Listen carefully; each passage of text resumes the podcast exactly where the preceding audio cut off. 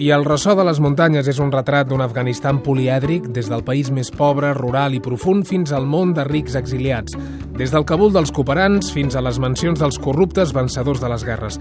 Tot explicat a partir de la intimitat d'uns personatges units per vincles complexos, pares i mares, germans, servents, veïns, amants... El seu autor és l'escriptor d'origen afganès Khaled Hosseini. I el ressò de les muntanyes està explicat, està publicat per edicions 62, ens ho explica l'Anna Cortades amb el muntatge de Salva Pou. ای چشم نور خورشید من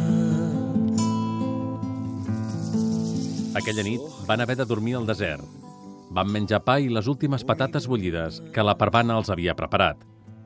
El pare va encendre una foguera i va posar la tatera sobre les flames per fer te. l'Abdulà es va estirar a la vora del foc, arraulit sota la manta de llana darrere la pari, amb les plantes del peu fredes de la seva germana contra el seu cos.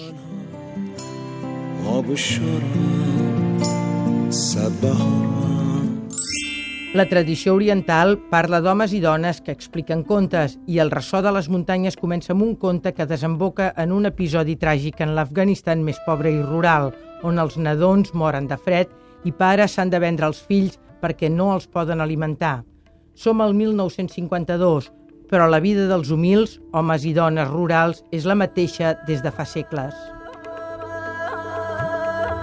A partir d'aquest moment, el dia de la Parvana passa com sempre ha passat aquests quatre anys d'ençà de la mort dels seus pares.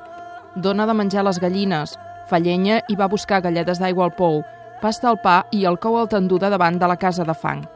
Però la vida és ben diferent entre els poderosos de l'aristocràcia cosmopolita de Kabul.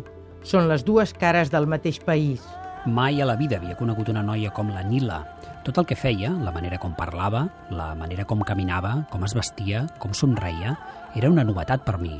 La Nila desafiava totes i cadascuna de les idees que jo tenia sobre com s'havia de comportar una dona. La intimitat de les vides dels amics, dels familiars, dels senyors de la casa, dels servents, no és aliena a la tristesa, la convulsió i la por d'un Afganistan que empitjora, la invasió soviètica, els senyors de la guerra i els talibans.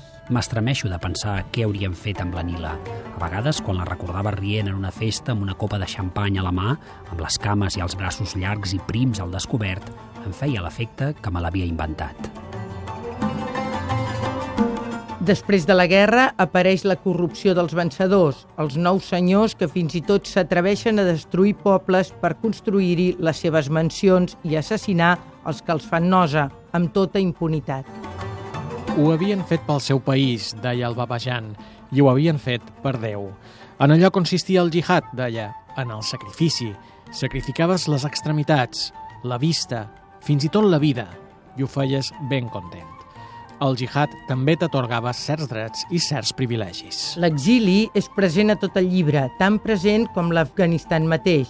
Un exili forçat per poder sobreviure o un exili triat al París més bohemi per poder ser més lliure. El que la pari sempre havia demanat a la seva mare era la cola per enganxar els retalls dels seus records sols i inconexos, convertir-los en alguna mena de relat coherent, però la mamà no deia gaire cosa, sempre ocultava records de la seva vida i de la vida que havien fet juntes a Kabul. I el ressò de les muntanyes de Khaled Hosseini, publicat per edicions 62.